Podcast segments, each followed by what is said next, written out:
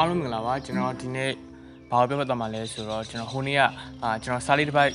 ဖတ်လိုက်ရတယ်ပေါ့နော်အဲ့ဒါဘာလဲဆိုတော့ तू ကတစ်ပင်တစ်ပင်လို့နေထိုင်မှာလားဒါမှမဟုတ်တစ်ပင်တစ်ပင်ပေါ်မှာရှိရရှင်းတဲ့ကောင်လို့နေထိုင်မလားတဲ့အဲ့ဒီစာပိုက်လို့ကျွန်တော်ဖတ်လိုက်ရတယ်ပြောရရင်တော့တစ်ပင်ဆိုတာဘယ်မှပြောင်းရွှေ့နေထိုင်လို့မရဘူးလူတွေကခုတ်လဲသွားမှသာလို့ပြောက်ကွယ်သွားတာရှိတယ်အာသူတို့ရဲ့တက်တက်တာအဲ့ဒီနေရာလေးမှာပြီးဆုံးသွားတယ် ဒါပေမဲ့တစ်ပင်တစ်ပင်ပေါ်တစ်ပင်တစ်ပင်ပေါ်ကရှင့်နေတော့တင်မြူးမှာပါသူတို့တွေကဗျာဒီတစ်ပင်တစ်ပင်မှာမနေဘူးပြီးရင်အမြဲတမ်းတစ်ပင်ကနေတစ်ပင်ကူးပြောင်းသွားလာနေရှိကြတယ်အာဒီအဖြစ်အပျက်လေးကိုကြည့်ချင်းအပြင်ကျွန်တော်တို့ဘဝမှာလူတချို့ကတစ်ပင်နဲ့တူနေတယ်သူတို့တွေကဘာမှစိတ်ဝင်စားမှုမရှိဘူးပြီးတော့နေပြောတဲ့နေရာမှာဘာမှမခက်ခဲတဲ့ဘဝတစ်ခုမှာပဲသူတို့အဆင်ပြေသွားနေထိုင်ကြတယ်ဥပမာပြောရရင် comfort zone မှာအာပျော်နေရမျိုးပေါ့နော်တနေ့တာဟာဒီလိုနဲ့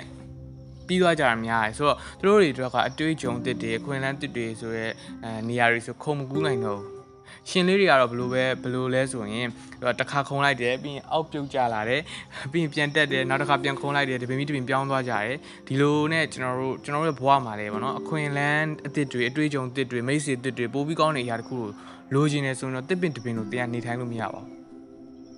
တစ်ပင်တပင်လိုတရားကျင့်သုံးနေလို့မရပါဘူးရှင်လေးတစ်ကောင်လိုမျိုးခုံကူးနေမှအဆင်ပြေမယ်တစ်ပင်တပင်လိုမျိုးမလုံးမိဝဒီနေရာမှာပဲရှင်ကုန်နေတယ်လို့မျိုးအဖြစ်မခံပါနဲ့ပိုပြီးကောင်းတဲ့အနာဂတ်အတွက်ကျွန်တော်ရှင်လေးတစ်ကောင်လိုခုံပါကူးပါပြုတ်ကြတယ်ပြန်တက်ပါပြီးရင်ပြန်ပြီးတော့ခုံပါပြန်ပြီးပြန်ကူးပါလို့ကျွန်တော်အကြံပေးချင်ပါတယ်အားလုံးပဲကျေးဇူးများတင်ပါတယ်ခင်ဗျာ